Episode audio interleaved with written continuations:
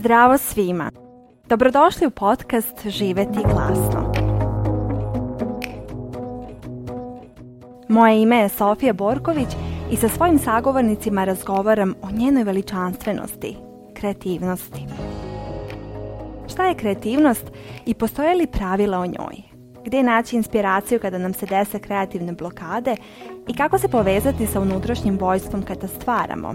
Teme su našeg podcasta. Produkcijom i audio izgledom podcasta bavi se Aleksandra Bučko iz Fabrike kreativnosti. Današnji razgovor sa Marijom Ćalović, digitalnom kreatorkom i influencerkom, posvećen je tome da razumemo koliko je čovek svestrano biće, te da danas ima priliku da spoji sve što voli. Marija Ćalović je završila farmaciju i tri godine doktorskih studija kada je rešila da počne da izražava sebe u digitalnom prostoru i na taj način spoji farmaciju sa kreacijom. Kako je bilo u trenutku promene i sa dvoje male dece? Zašto se najbolje stvari dešavaju postepeno? Zbog čega je uvek potrebno imati i opciju B? I da li je dobro slušati savete roditelje kada su naše odluke u pitanju? Poslušajte u našem razgovoru. Današnji razgovor podržao je holistički sajt Mango i Papaja. Kako si danas, Marija? E pa dobro sam. Mada sam se relativno skorije vratila na treninge i sada sam nakon treninga, onako jutro sam bila na treningu i onda mi treba malo vremena da se oporavim jer ja nekako ne umem da krenem polako, nego krenem odmah jako i onda mi posle par sati nije dobro. Ali sad sam se stabilizovala pa možemo da pričamo. Da, vidjela sam da ste porodično krenuli. E da, to nam je, to nam je uh, novi projekat moj strahinji da vidimo da li ćemo tako biti istrajni da zajedno ovaj, vežbamo pa da motivišemo jedno drugo kao što motivišemo i u poslu pa eto nadamo se da ćemo i za treninge tako. To je baš lepo i možda bih te tu pitala kako zapravo izgleda život sa partnerom koji ti je ujedno i kolega na neki da. način i sada da. partner u teretani.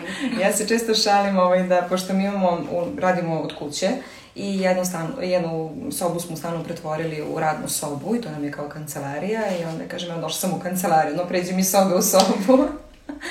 Ali ovaj, pa lepo je, mislim, kada se dvoje ljudi razumeju u potpunosti, a nas, nas dvoje smo, mislim, ti vjerojatno ne znaš, upućena si u sve to, ali ovaj, mi smo odrasli nekako zajedno, mi smo zajedno od moje 15. njegove 16. godine, tako da smo i sazrevali zajedno i prošli svašta, da kažem, nije sad, nisu to sad neke životne stvari toliko, da kažem, teške, ali opet su neka životna škola i jednom i drugom, tako da se super razumemo i eto, podržavamo, kao što sam malo pre rekla, tako da nam je to samo jedan plus. Mislim, ja znam da prosto postoji ljudi koji se vole međusobno i razumiju, ali ne mogu da rade zajedno. Mi imamo tu sreću da možemo, tako da smo to iskoristili.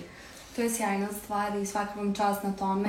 Dosta puta sam čula kako ljudi kada krenu da rade zajedno, to im bude previše, nekako mnogo više. Pa kažem, da, dešava se. Tako da imate da. sreća i verovatno ste na vreme gradili. Još uvek, još uvek nismo dosadili jedno drugo, ali ovaj, mislim, desi se nekad. Mi smo navikli da radimo uh, većinu stvari zajedno i onda smo sad shvatili nekad da nam fali vreme. Mislim, nije da smetamo jedno drugome, nego da shvatimo da bismo možda ja mogla da uradim nešto drugo za to vreme dok to pokušavamo da zajedno uradimo. Primer, da vodimo decu na trening ili nešto ono, idemo sve vreme zajedno, da shvatim da sam ja za to vreme mogla da završim nešto kod kući ili onda ovde nešto da drugo završi, pa smo sad ipak malo počeli da delimo, da delimo uloge. Svaka čast.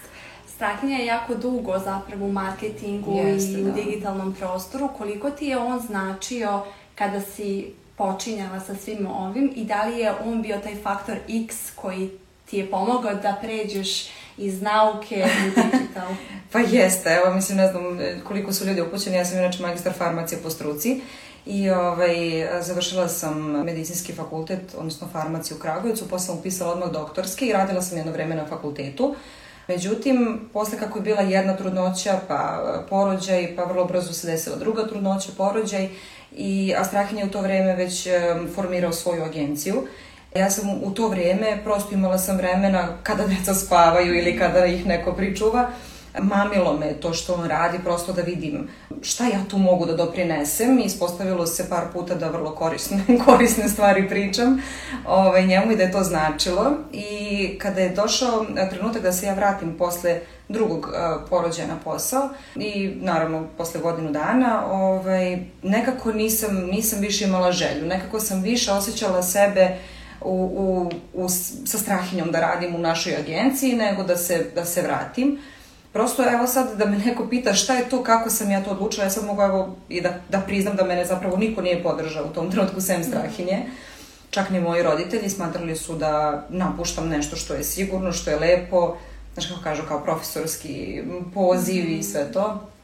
Ali ja nisam osjećala da se tu nalazim, možda u tom trenutku ja sam svakako doktorat ostavila pa stoji, možda ću ga nekad završiti, inače sam završila i sve tri godine doktorskih, ali evo do sad se nije pokazalo da želim da se vratim, nego da ovaj, nastavim, ali kažem, inicijalno je bilo da Strahinje ja radim u agenciji, da ja to njemu pomažem. Nisam ja uopšte imala na umu ovaj influencerski posao, jer zapravo da mislim da jesam i da je to bio cilj od samog početka, ne bi se ovo sve ni desilo ovako. Mm. Zašto?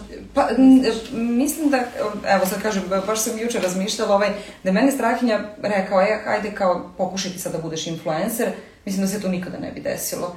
Jer prosto ne može nešto to tako. Ja mislim da je najbolje stvari koje se dešavaju, dešavaju se u životu postupno, odnosno postepeno. -hmm. Iz, iz jednog e, se rađa nešto drugo. Tako da Strahinja je kao influencer na tržištu, da kažem, prisutan već, ne znam, 12 godina, on je sad som informacijom prvo počeo, još kada se to ta, tako nije ni zvalo. -hmm. Pa posle naša agencija i onda smo tako malo po malo, da kažem, uranjali u sve to i puštali pipke i korene, tako da sad nas nekako ima svuda, a opet se osjećamo ono, kao da smo tu od uvek i da, da je to tako, iako se ja zapravo ovim poslom bavim pa neke dve i po godine, ne pune tri godine.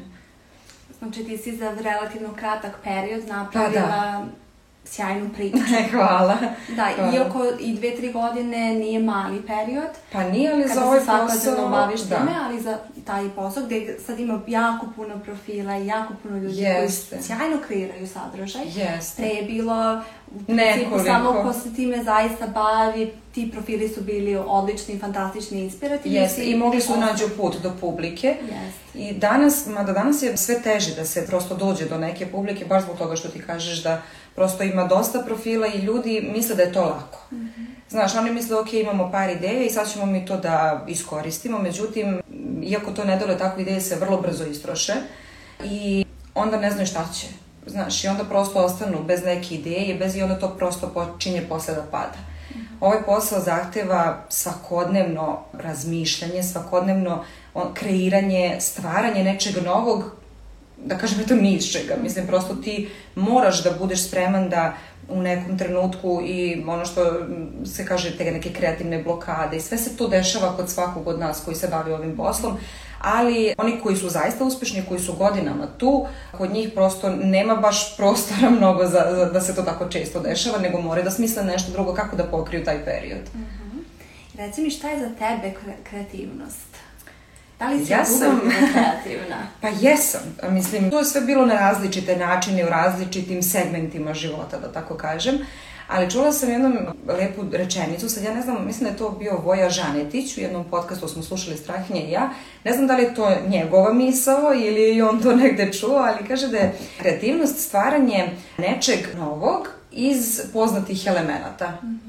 Razumeš, svaka fotografija, svaka knjiga, sve ona sadrži elemente koje mi već svi dobro znamo, ali struktura im je drugačija i prosto onda kreira se nešto novo. Ja mislim da ne bih imala šta mnogo pametnije da dodam na tu temu. Mm -hmm. Tako da i malo pre kad sam rekla kad je blokada u pitanju, onda si prosto prinuđen da stvaraš nešto već poznato od poznatog, ali kao samo da prebrodiš taj, taj period blokade. Da li imaš neki trik koji te uvek otvori kada ti se desi blokada ili kada se bojiš možda nešto da kažeš ili na koji ćeš način reći? Neko se vrati kuvanju, neko ode u šetnju, da. neko... Ja se ne vraćam kuvanju, ne znam to da radim dobro. Eto kad kažem... Ti ne počinješ. ne, bolje mi, onda se tad tek deprimiram.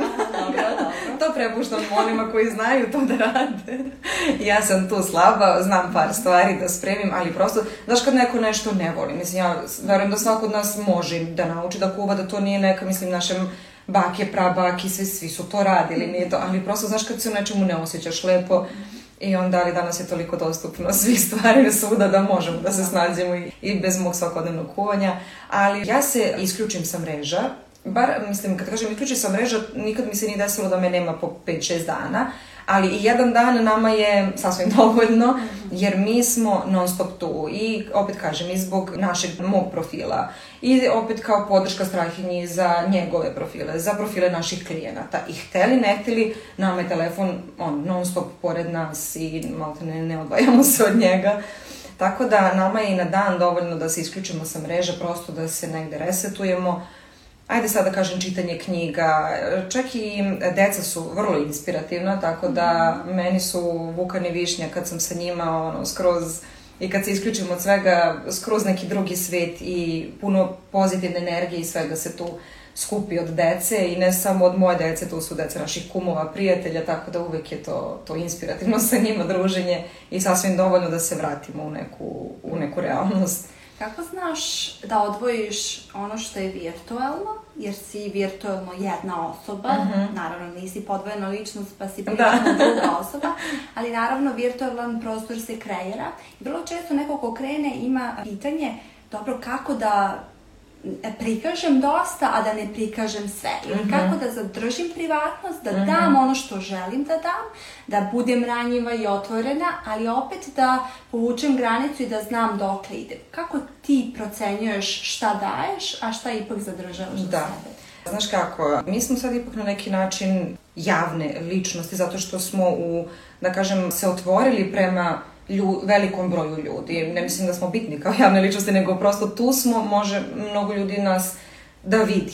S jedne strane, to je mnogo lepo, zato što i na, mnogo, na mnogo puta nam se desilo da nas neko sretne na ulici i prosto da nas prepozna i to je sad sve češće u poslednje vreme mi se zaista, zaista jako radujemo jer ljudi imaju lepe i reakcije i povratne i, i nama je to opet vetar u leđa s neke strane. Mm A s druge strane, privatnost kao takva, ja mislim da više ne, ne može da se održi u tom nivou kao što je neko ko nema ovaj posao koji mi imamo.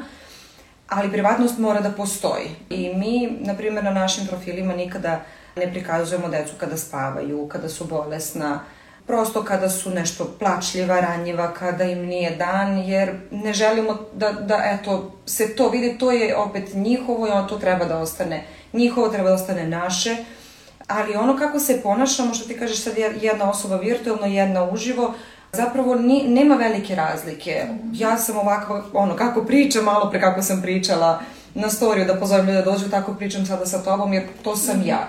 I sve ono što pokazujemo na, na mrežama, zapravo nešto što bi svako od ljudi ko, ko nas sretne na ulici mogao da vidi. Mm -hmm. Ništa drugačije, nećemo se mi drugačije niti ponašati jer to smo mi zapravo. Nismo mi mnogo drugačije, da ono da samo vršimo selekciju do nekle šta da, da ide na mreže, šta ne. A rekla sam eto koji su to neke stvari privatne ili kada smo sa našom porodicom, malo širom porodicom, prosto ne želimo sad da uznemiravamo ljude da se snimamo ako neko ne voli da se snima ili kada smo u kafiću, u restoranu, nemamo toliko i dan danas, a nadam se da će tako i ostati, da kažem, nemamo tu slobodu sada da ja izvadim i telefon i da se snimam po restoranu i kafiću, prosto tu nisam, to nije moja neka zona komfora i ne želim to da, da radim ni sebi, ni svojim prijateljima, ni ljudima koji su ostalom tu negde oko nas. Dotakla si se na početku kako ti je bilo i kako je okolina tvoja reagovala kada si rešila da ipak da. pređeš u digitalne vode i možda bih se sada malo na to osvrnula jer ok, sada mogu i da razumeju zašto si ta, to izabrala, možda i ne mogu. I dalje da. ne mogu i pa Ne mogu ni ja baš da razumem skroz, ali to je ipak bio neki unutrašnji osjećaj izgleda. Mhm.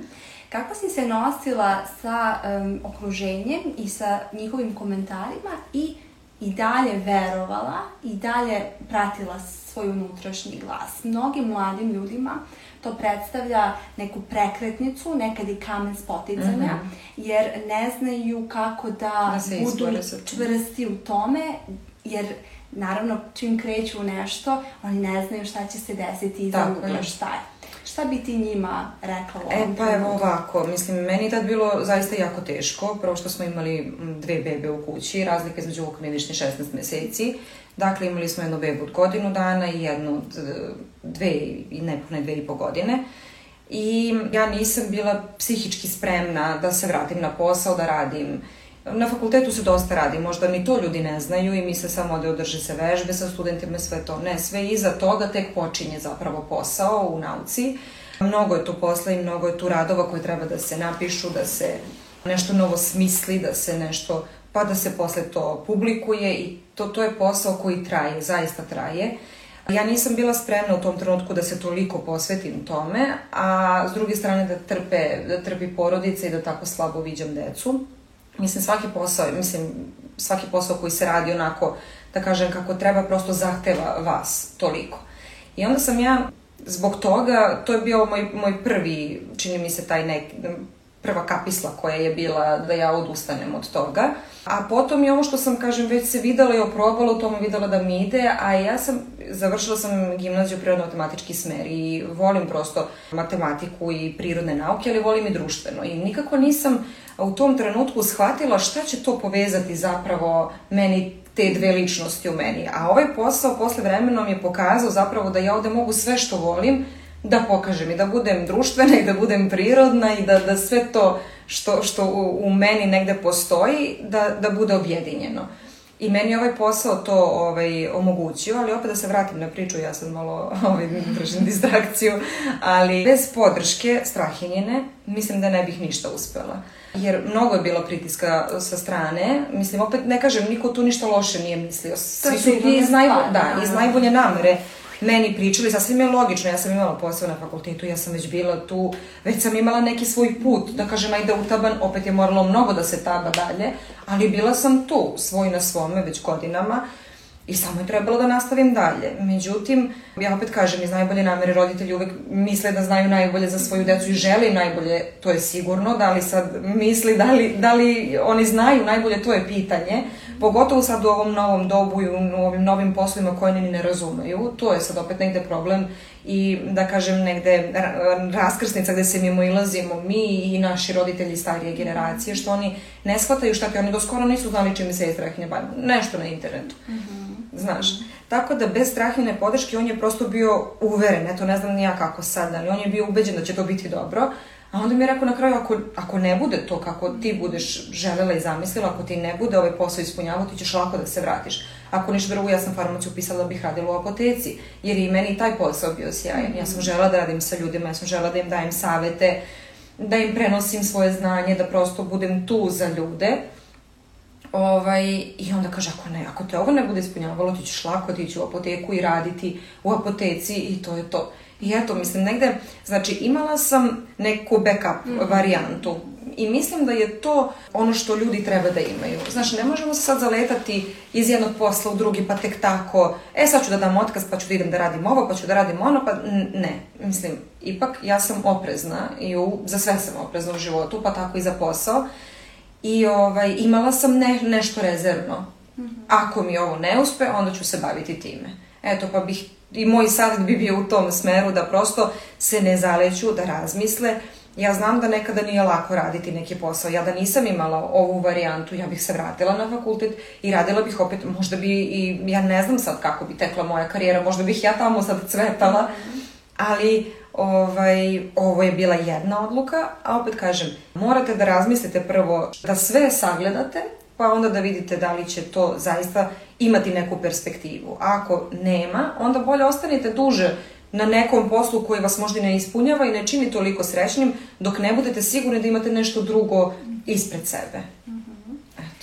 Ja verujem da uvek rešenja postoje, da, Da. ako imamo već tu slobodu i, i um, sebe smo podržali na svom putu, možda i možemo da uđemo svim srcem i da imamo samo opciju A, opcija B da nam bude negde backup o, tamo negde na kraju Da. ovaj spiska, ali s druge strane ako smo roditelji i ukoliko neko mali zavisi od nas, veoma je teško, teško je reći tu... sama opcija da. A, idemo do kraja. Uvijek je drugačije kad, kad mm -hmm. prosto razmišljaš samo o sebi. Mm -hmm. Ja u tom trenutku sam imala i dvoje dece i supruga, imali, imamo i dan danas kredit za stan mm -hmm. i razumeš, mislim, da. mnogo je tu stvari koje, koje te lome, ali eto, nekad prelomiš, nekad ne prelomiš, ali samo je stvar u tome da, što ti kažeš, veruješ u sebe.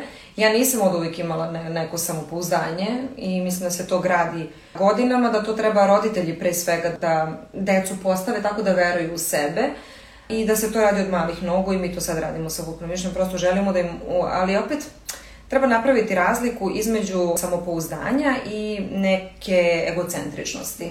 To je ono što ne želimo kod dece da razvijemo, a želimo da razvijemo samopouzdanje. To samopouzdanje sam ja sticala ipak godinama i u tom trenutku ga nisam imala toliko, zato kažem da mi je podrška supruga bila jako važna. Možda bih se ja sama izborila sa tim da sam u tom trenutku bila toliko samouverena, ali nisam. Dobro, danas si to sve lepo povezala i farmacija negde i jeste tu na tvom profilu. Jeste, jeste, zato i kažem. Prisutna. Da, zato i ovo jeste ovako kako jeste, zato izgleda tako jer ja to volim, volim i jednu i drugu stvar. Mm -hmm. I onda sam uspela na taj način i onda mi, mnogo me često pitaju je li ti žao što si prestala da se baviš? Nisam prestala da se bavim, tu sam, samo se bavim na način na koji volim, na koji želim i u meri u kojoj volim i želim. Mm -hmm. Kako usklađuješ majčinstvo i preduzetništvo? Pa, to je izazovno i to je izazovno bilo koji da je posao u pitanju, čak i da nije preduzetnički posao, nego da je prosto posao neki da odeš i radiš i posle ti je mirna glava, a i posao preduzetnika je još teži u tom smislu organizacije sa decom, jer mi zapravo Nama kažu, ja blago vama, vi možete da radite kad god hoćete. Da, možemo, ali mi radimo ne kad god hoćemo, nego mi radimo uvek. I Strahinja ume da kaže, mi nemamo e, neradno vreme. Mm -hmm. Mislim, prosto to u, kada si privatnik, jer uvek misliš da može još pa ti je žao, znaš šta, da uzmeš da sedneš uveče da gledaš film, jer si dobio neku ideju, pa dok ne pobegne ideja da je prosto, znaš, ili zapišeš, ili da pokušaš da je razradiš, ili tako. Tako da, Što se toga tiče, s jedne strane mi imamo, da kažem, tu sreću da radimo od kuće i kad su deca bila manja, e, često smo, mislim pogotovo ja, kada završim nešto izađem malo pa budem sa njima u, u dnevnoj sobi ili izađemo prošetamo pa se vratimo. Sad nekako sve više imamo posla i imamo i pomoć oko čuvanja dece, bez toga jel to ne bismo mogli da radimo. Ali nekada se desi da ja mogu ceo dan da se posvetim njima i to je super a nekada se desi da ih vidim samo u prolazu i onda uveče shvatim kad ih spremam za spavanje da se danas nismo videli. Možda bi mi se to ne bi desilo da imam neki posao od 8 do 4, od 9 do 5, nego prosto posle 5 bih bila slobodna i bila sa njima. Ali ovako, kažem, sve ima svoju cenu, tako da eto, mi smo spremni da, da ovu cenu platimo, ali opet smatram da S druge strane, benefiti ovog posla su kada znam da moram da budem sa njima i kada znam da, da moram da, im, da, da, da budem tu i da sam im potrebna, ja prosto mogu da kažem danas neću ništa raditi i tu sam za svoju decu i eto, mislim, to, to, je, to je ono kako za sad balansiramo, nadam se da ćemo uspeti dalje, mada oni što su stariji, ovaj, oni su da kažem, veće su im potrebe i, i, i zahtevi i prohtevi, evo sad su počeli sa treninzima, pa će ići, ne znam, uskoro ne, na engleski, pa tamo ovamo, da sve više imamo potrebu da da budemo servisna, servisno na, na, na raspolaganju njima, ali nadam se da ćemo i to uspeti. Kako tvoja deca doživljavaju vas kao nekoga ko je non stop kod kuće i koji ima posao od kuće? Da li oni to razumeju ili počinju polako da, da razumeju i da li oni znaju zapravo šta vi radite, jer bi to mogli da prepričaju. I jesu li svesni da su i oni deo svega toga? Višnja ima jedan blog, blog, kako je ona rekla, blokić, tako nešto ga je zvala. I ona je bila dosta manja tad, ja mislim da već ima dve godine od tad kad je ona to, ona je samo uzela telefon i kaže, mitiramo mamu, evo ovde su plave maramice, ovde si tako išla, ovde je kuhinja. Mm. ja kažem, bože, ovo je baš, baš bilo na moj račun onako, ali ja umem da se šalim na svoj račun, tako da nadam se da će i ona umeti na svoj kad bude došlo vreme za to. Ali bilo im je neobično, sada su već stariji, Vukan ima pet i po godina, više ima četiri, tako da shvataju da je to ipak malo drugačije, ono kako mi radimo, odnosno kako rade naši prijatelji ili deka ide na posao svaki dan i oni znaju prosto da oni od, ode pa se vrati. Mm -hmm. Ali u početku im je bilo nezgodno jer mi kad kažemo radimo, tu u radnoj sobi radimo, oni kao pa kako radite, tu ste kod kuće, ne radite, tako da bilo nam je izazovno da im to objasnimo i dugo oni nisu shvatali niti da su oni deo cele te priče, prosto nismo želeli da ih opterećujemo ili bilo šta da im namećemo. Ali im se svidelo vremenom kako ono, šetamo pa ih ljudi prepoznaju i ovaj, uvek su to neke lepe komentari, lepe reči i Višnji vidim da to posebno zanimljivo. Ja mislim da je ona rođena glumica. Zapravo ja sam imala želju da budem glumica kad sam bila mala, da i bila sam na dramskoj sekciji, ali nije, nisam prosto pronašla svoj put, to je vrlo, da da kažem, kratko trajalo za, za, za taj poziv. Ali ovaj, mislim da, da je ona stvarno rođena glumica, tako da možda ćemo to je, nekada, zdravlja Bože, da je usmerimo na taj put. Da li oni imaju osjećaj da njih dosta ljudi prati, da čitaju ili slušaju šta oni pričaju ili oni nemaju taj utisak. Kako vi to sa njima? A, pa nismo, kažem, nikad mi toliko otvoreno sad nešto o tome mhm. pričali mm -hmm. da, bi, da bismo ih prosto opterećivali ili da bi oni pak stekli neku sliku da su oni nešto sad bitni ili tako. A, kada, kada nas sretno na ulici pa kad kaže Višnji, mi tebe pratimo, ona nas svako pogleda pa kao nije jasno Aha. šta i kako. Onda smo jednom prosto želeli kada se već to, kada je postalo često, rekli ovaj, da je to na Instagramu i onda smo joj pokazali i njoj se to jako dopalo. da vas ona iznenadi sa 10 godina i da, sa da. svojim YouTube ali kanalom. Toliko, ona prosto želi da snima vlogove, ona želi i onda sad kad je Vukan video to, onda on kaže snimaj mene. I onda, i skoro smo snimili, kampanja neka bila u pitanju, pa je Vuki samo bio tako u centru pažnju. Ona se toliko naljutila na nas što ona nije u, to, u tom videu, a gde sam ovde ja?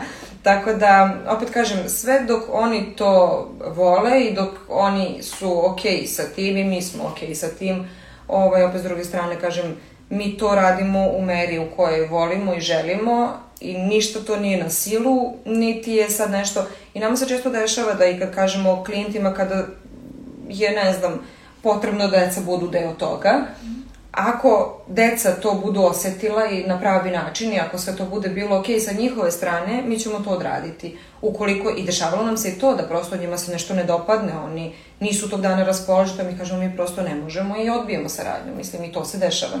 Ali mislim da je sve dok je tako da je to ok. Kako izgleda danas influencerski posao? Kako izgleda jedan tvoj dan?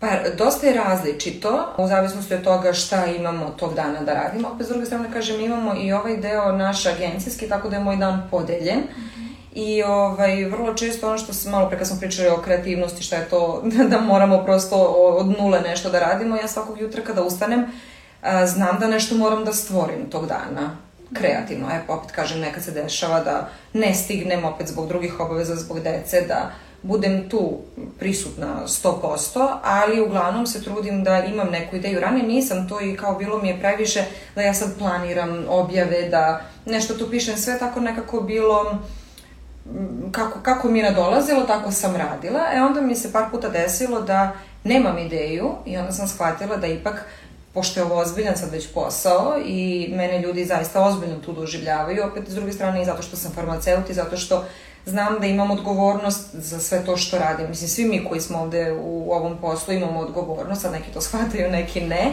ali ja to previše ozbiljno shvatam i nekako se brinem da ne kažem nešto što neko može da protumači drugačije. Tako da sam ipak sad počela malo i da planiram i da razmišljam o tome šta je to da na profilu bude svega, da bude više to kao neki lifestyle, nisam ja toliko okrenuta samo roditeljskim temama, mislim, da kažem, Strahinja ima svoj dati dnevnik za to, pa ne bih se mešala u to, ali volim da podelim korisne informacije i kada se tiče i roditeljstva, i nege, i zdravlja, prosto sve što smatram da meni olakšava život, prosto volim da podelim na, na svom profilu, tako da um, tvoje, sad sam raširala, ali moj odgovor na tvoje pitanje je bilo da planiram svoje objave i da planiram ono što ću da, da objavljujem i trudimo se da one stvari koje su sponzorisane i naše saradnje budu zapravo proizvodi koje mi zaista koristimo i uvek će tako i biti ili ako nismo imali prilike da koristimo, bar da to bude nešto što znamo da ćemo nastaviti da koristimo mm nakon toga. Mm -hmm.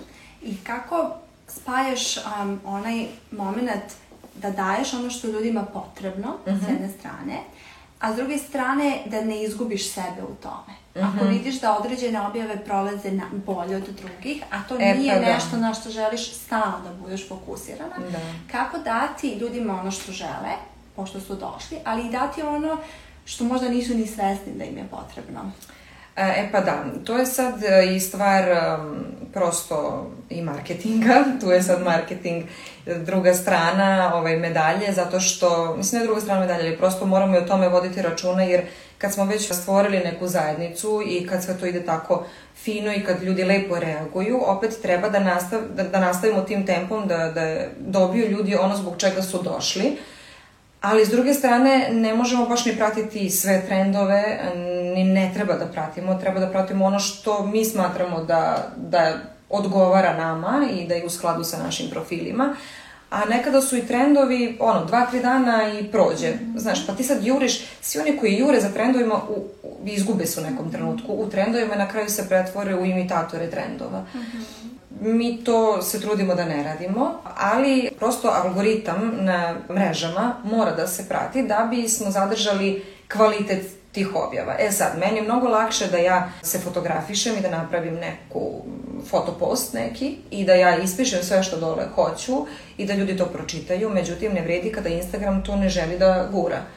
I onda bi moralo znači se prilagodimo. Ok, znači reel je format koji dominira sada, ok, snimat ćemo reelove, ali iako je to teže, ali ću ga prilagoditi na način na koji ja to volim. Ili ću tu nešto ispričati, ili ću opet insistirati na onome što ja želim da kažem da ljudi pročitaju ispod, jer ja smatram da ljudi i dalje vole da pročitaju neke korisne informacije, ne sad samo da gledaju lepe slike ili zabavne reelove. Prosto, Instagram je odavno prestao da bude ta slikovnica gde samo gledamo fotografije. Mislim, ipak je Instagram sada mesto gde možemo dosta toga novog i da čujemo i na kraju gde se i mnogi noviteti i neki novi trendovi i nove stvari zapravo prvo predstavljaju na mrežama, pa tek posle dođu u neku ne znam, na, na billboard ili ne znam više ni da li neko radi marketing preko billboarda. Verujem da da, ali Da, to je opet koja je ciljna grupa. Da. Sigurno oni koji nemaju Instagram Da, rade starije ili da. Da, da. Ove, reci mi kako, kako se svakodnevno motivišeš ili šta te svakodnevno motiviše da uvek daš najbolje od sebe ili da ponudiš još nešto? Malo pre sam pomenula decu, deca su uvek prva inspiracija i motivacija, jer zapravo sve što radimo u životu nekako radimo za njih i za nas. Znaš, ono, mir i, i, mir i stabilnost. da budemo mirni sami sa sobom i da bude i da bude naš život, da imamo ne, ne, ne, ne, stabilan život, mislim, eto tako. Meni je to glavna, glavna motivacija da prosto budemo mirni sa onim što radimo, ali da to nešto što nam radi, što radimo donosi neke benefite za kvalitetni i bolji život. Mislim, eto, nekad mi je u toku dana i samo motivacija da sedem na kraju da popijem kafu u miru. ovaj, na dnevnom nivou, a kad me pitaš ovako za, za motivaciju nadalje u životu, to, to je eto ne, neki, neki naš mir porodični i da prosto deca mogu da ostvaruju neke svoje ciljeve, da možemo njima da pružimo ono što im je potrebno. Mm -hmm. Školovanje, zdravstvo i sve što, što eto to zahteva. Vi ste jedni od možda redki koji su odlučili da sve to radi iz svog rodnog grada, da, Da. ne idu u Beograd. Jeste li nekada razmišljali o prelasku i da li je neophodno biti u prestonici da bi postigao uspeh? Mi smo jedno vreme živeli u Beogradu, ne znam da li, da li se toga sećaš, a ovaj, živeli, Strahinj je živeo, ja sam tada bila na doktorskim studijima pa sam ja putovala i dugo bila na relaciji Kragovac-Beograd koja me, ta relacija me užasno zamarala. I onda smo, odnosno kada smo se venčali, ja sam se preselila definitivno za Beograd i živeli smo nekih godinu i po dana možda zajedno. I to nam je donosilo i mnoge benefite i zapravo nekako sav posao je tamo. Kragujevac je malo specifična sredina što je ušuškano sve i nekako čini mi se da nije dovoljno otvoreno za, za neke druge poslove, ljude ili već tako prosto Kragujevčani vole ovde sebe i vole svoju ekipu i kao da se ne, ovaj, ne idemo mnogo dalje. To je prosto tako i ljudi nisu zapravo navikli da neko kada uspe tako da se otisne, ali sad mi smo se otisnuli digitalno, a i dalje smo fizički ovde, kada nas pitaju i pošalju nam mail ili da se vidimo i to, ne očekuju da smo mi u Beogradu. -hmm. Mnogi, mnogo puta nam se to desilo. Čak jedna ekipa televizijska htela da dođe da, da snima neki prilog sa nama i mi smo sve dogovorili i oni kao adresa mi kažemo i oni kao pa čekajte kako Kragujevac? Mi kao pa mi smo u Kragujevcu. I onda su oni shvatili da oni ne mogu da dođu u Kragujevac. Tako da, ovaj, ali što se posla tiče, činjenica je da je posao većinom u Beogradu mm. i da prosto kada si tamo i kada se krećeš ti možeš da srećeš neke druge ljude, pa da se povezuješ i sve to prosto tako. Ovde u Kragujevcu nema toliko tog posla koji, koji zapravo mi radimo i sa, sa ljud, nema toliko ljudi s kojima možemo ovde da se povežemo. Mm ali za sad radimo tako kako radimo i uspeva nam. Mislim, prosto nije da moraš. Mnogo bi nam lakše bilo da smo u Beogradu, ali eto, mi smo u Kragujevcu i možemo. Nadam se da će tako i ostati. Padalo nam je na pamet ponovo da se vratimo u Beograd. Mi smo se vratili kada sam se ja porodila Zapravo ne, kada sam ostala u drugom stanju sa višnjom i kada smo shvatili da će to biti i dve male bebe, mala razlika, strahinja se tada, da, potpuno je prešao da radi u svojoj agenciji. I onda smo shvatili da će nam biti mnogo lakše ovde da imamo pomoć, baka, deka, servis i sve ostalo, što si na kraju stvarno ispostavilo da je bilo, bila dobra odluka. E sad, do kada će to biti i da li je možda bolje da kada oni budu krenuli u školu se preselimo u Beograd, ne znam. Još uvek smo neodlučni, pa vidjet ćemo, mislim, kako, kako bude nas put i život naneo. Mm -hmm.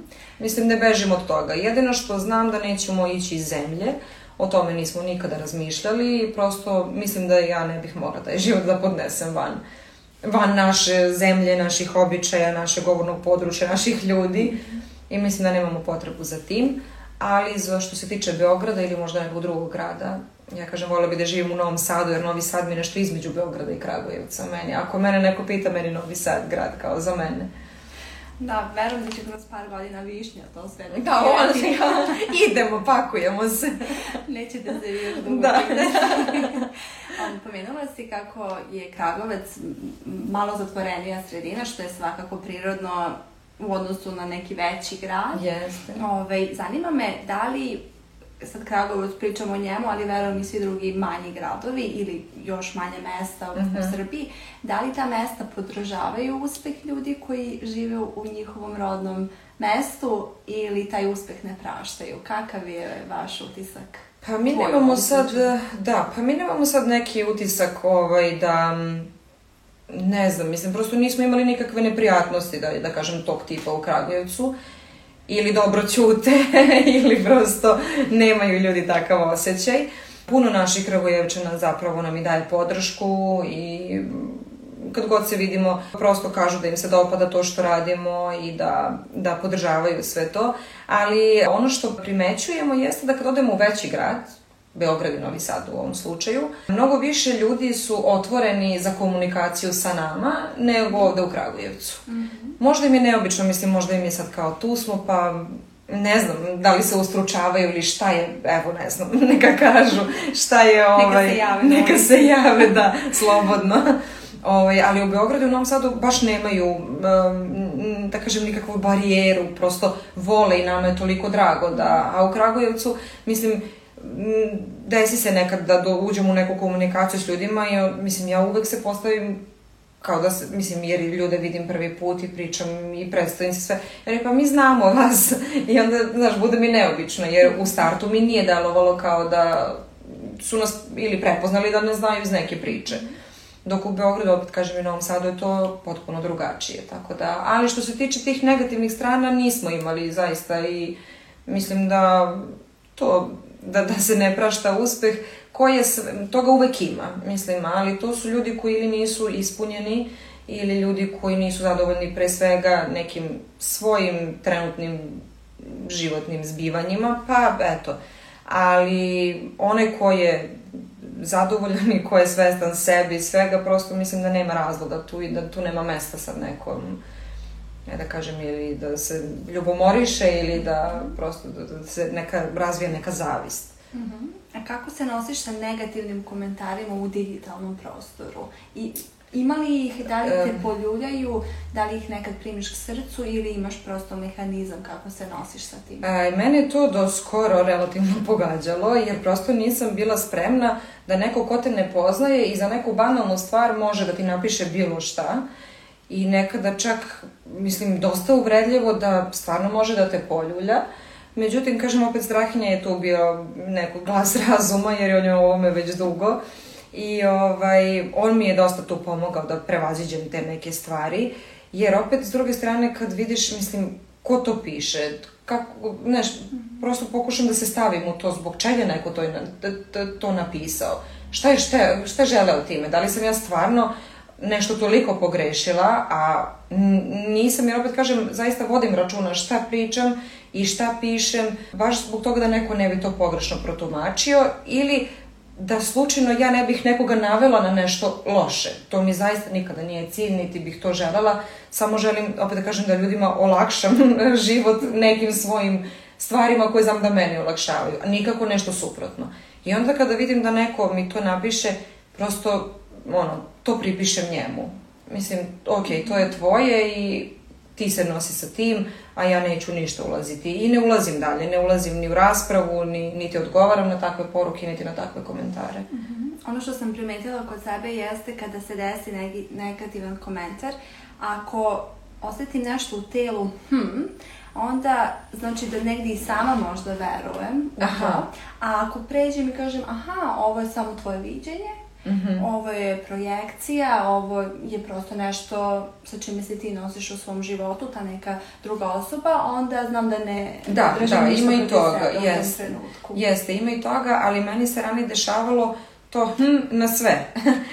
Jer nisam prosto ja bila sigurna i nekako nisam shvatila da, da prosto nije to do mene. Mm -hmm. E, onda mislim da, što ti kažeš, mislim nekad se desi pa da se zamislim šta ili kako je, ili ako shvatim da je neko pogrešno razumeo to što sam ja rekla, onda se potrudim na taj negativan komentar da odgovorim, ali to su redki slučajevi kada ono kažu je, to je konstruktivna kritika. Ima i toga, mm -hmm. ali kad neko to stvarno želi, onda na to odgovorim. Mislim, kada stvarno nekome je cilj da mi ukaže, a ja onda kažem ili me nisi dobro razumeo, ili se ja nisam dovoljno dobro izrazila ili formulisala to što sam htela da kažem. I onda tu na kraju uvek bude ispeglana situacija. Mislim, uvek na kraju dođemo do nekog dogovora ili, da kažem, odgovora.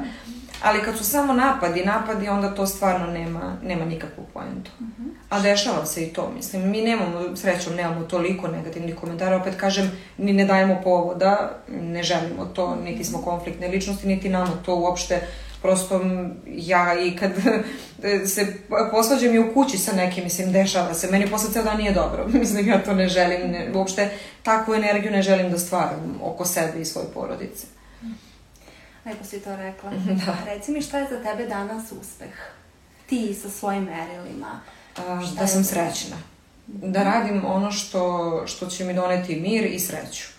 Tada znam da sam uspešna. Mislim, nije to ni, ni novac, ni materijalno. Naravno, mi svi radimo da bismo zaradili, da bismo imali za život, jer ne možemo da živimo u materijalnom svetu. Ne možemo sad živeti samo od ljubavi. Ali ne možemo živeti bez ljubavi i meni je sreća to što smo mi, baš malo pre što sam rekla, se okružili ljudima koji je sreća i uspeh, da smo se okružili ljudima koji nam odgovaraju i ko, kojima mi odgovaramo i prosto da radimo posao sa ljudima koji, da i to je isto naš uspeh što sada smatram da smo uspeli zato što možemo da biramo ljude sa kojima radimo i baš to da izbegavamo ljude koji imaju neku negativnu energiju ili bar tako utičemo jedni na druge i onda tu prosto možemo to da presečemo i da kažemo ok, ovo nam ne treba, a mi idemo dalje našim putem i da radimo posao koji, koji volimo i da se osjećamo lepo u tome. I sve dok je to tako, ja smatram da smo uspeli. Mm -hmm. Nažalost, e, pošto je Srbija e, jedna zemlja koja je u razvoju, tako bih da. E, rekla, i ljudi većinski nisu osetili uh, novac u tom smislu koji je njima dovoljan da traje duži vremenski period i da se ne desi neka nepogoda i onda većina traga za tim novcem kao merilom uspeha, da. sreće i zadovoljstva. Meni je žao što, nažalost, većina ljudi nema tu možda priliku da sebe ostvari i na taj način Jeste. koliko želi da bi shvatio da zapravo je to tek početak. Da. Um, I jako važan, bez toga Jako ne možemo da, da, pričamo što sam rekla, sa da. ovim temama. Znaš, vi kao, zbog čega vi to radite, zbog čega, pa zbog čega svako od nas radi bilo koji posao, prosto što ti kažeš, da bismo imali neku startnu poziciju, dakle mi da možemo da krenemo, da živimo i da budemo srećni dalje, ali bez novca ne možemo, mislim, ne možeš da budeš srećan kad si gladan. Mislim, Jako je teško. figurativno, ali, ali znaš, kad se prenese na sve u životu, to je zaista jako teško i onda da bismo svi bili srećni, pre svega moramo da imamo neke osnovne zadovoljene životne potrebe. Stan, hranu, školstvo, zdravstvo, da svi imamo pravo i, i mogućnost da, da to bude kako treba, na zavidnom nivou, da bismo mogli dalje, što ti kažeš, da nam to bude početak, a onda sve dalje što sledi je život. Pomenula si nekoliko puta sreću. Šta je za tebe sreća? Pa, skup svega ovoga, da se ne ponavljam sada mnogo, ali baš to, taj, taj, taj neki unutrašnji mir, kada znaš da, da si sa sobom ok i sa svim ljudima sa kojima si svakodnevno u komunikaciji, da znaš da možeš nešto njima da uradiš lepo u toku dana, ako ne lepo, onda da ne radiš nikome ništa ružno. I m- moja porodica i prosto to moje okruženje mene čini srećnom, tako da, i naravno i ovaj posao, jer posao je sastavni deo našeg života, tako da, eto, ja sam srećna kada je sve to tako kako jeste. I što se mene tiče, ništa ne moram da menjam. Negde za kraj bih voljela da te pitam i pitam sve goste da imaš jedan dar koji bi mogla da daš čitavom svetu, koji bi to dar bio? Moj ili Može biti tvoj, može biti nešto što misliš Zato što da je ja želim možda da ja to imam, a nemam ga baš Može. dovoljno, to je Prvo strpljenje. sebi, pa drugima. Strpljenje.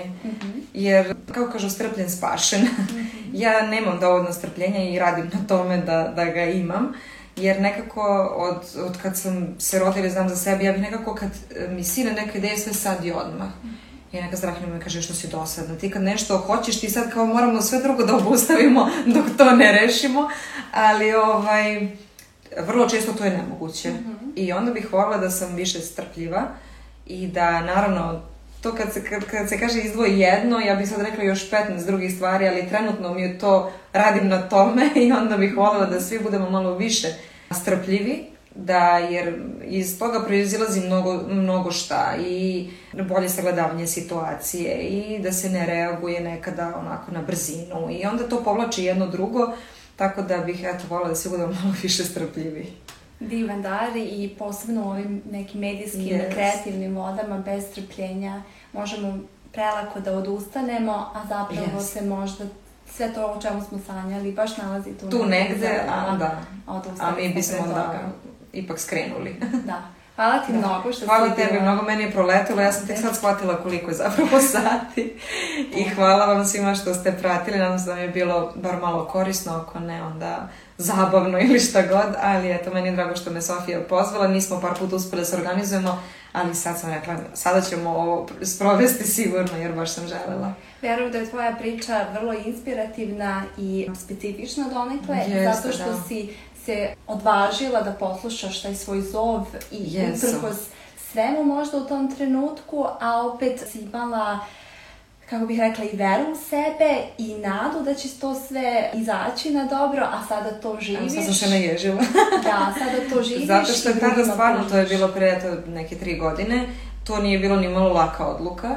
Ne kažem da sam verovala da će biti ovoliko, posle da kažem, uspešna u ovom smeru, ali sam verovala da će se nešto iz toga izroditi, jer prosto imala sam želju, imala sam volju, ali nisam znala gde i kako to da kanališem, ali eto, bila sam strpljiva, bila sam strpljiva da mi se taj put otvori i da eto sada radim to što volim i živim kako volim. Hvala što ste poslušali ovu epizodu podcasta Živeti glasno. Nadamo se da ste za nijansu više ohrabreni, ispunjeni ili inspirisani. Do naredne epizode želim vam mnoga lepa i kreativna ostvarenja. Pozdrav!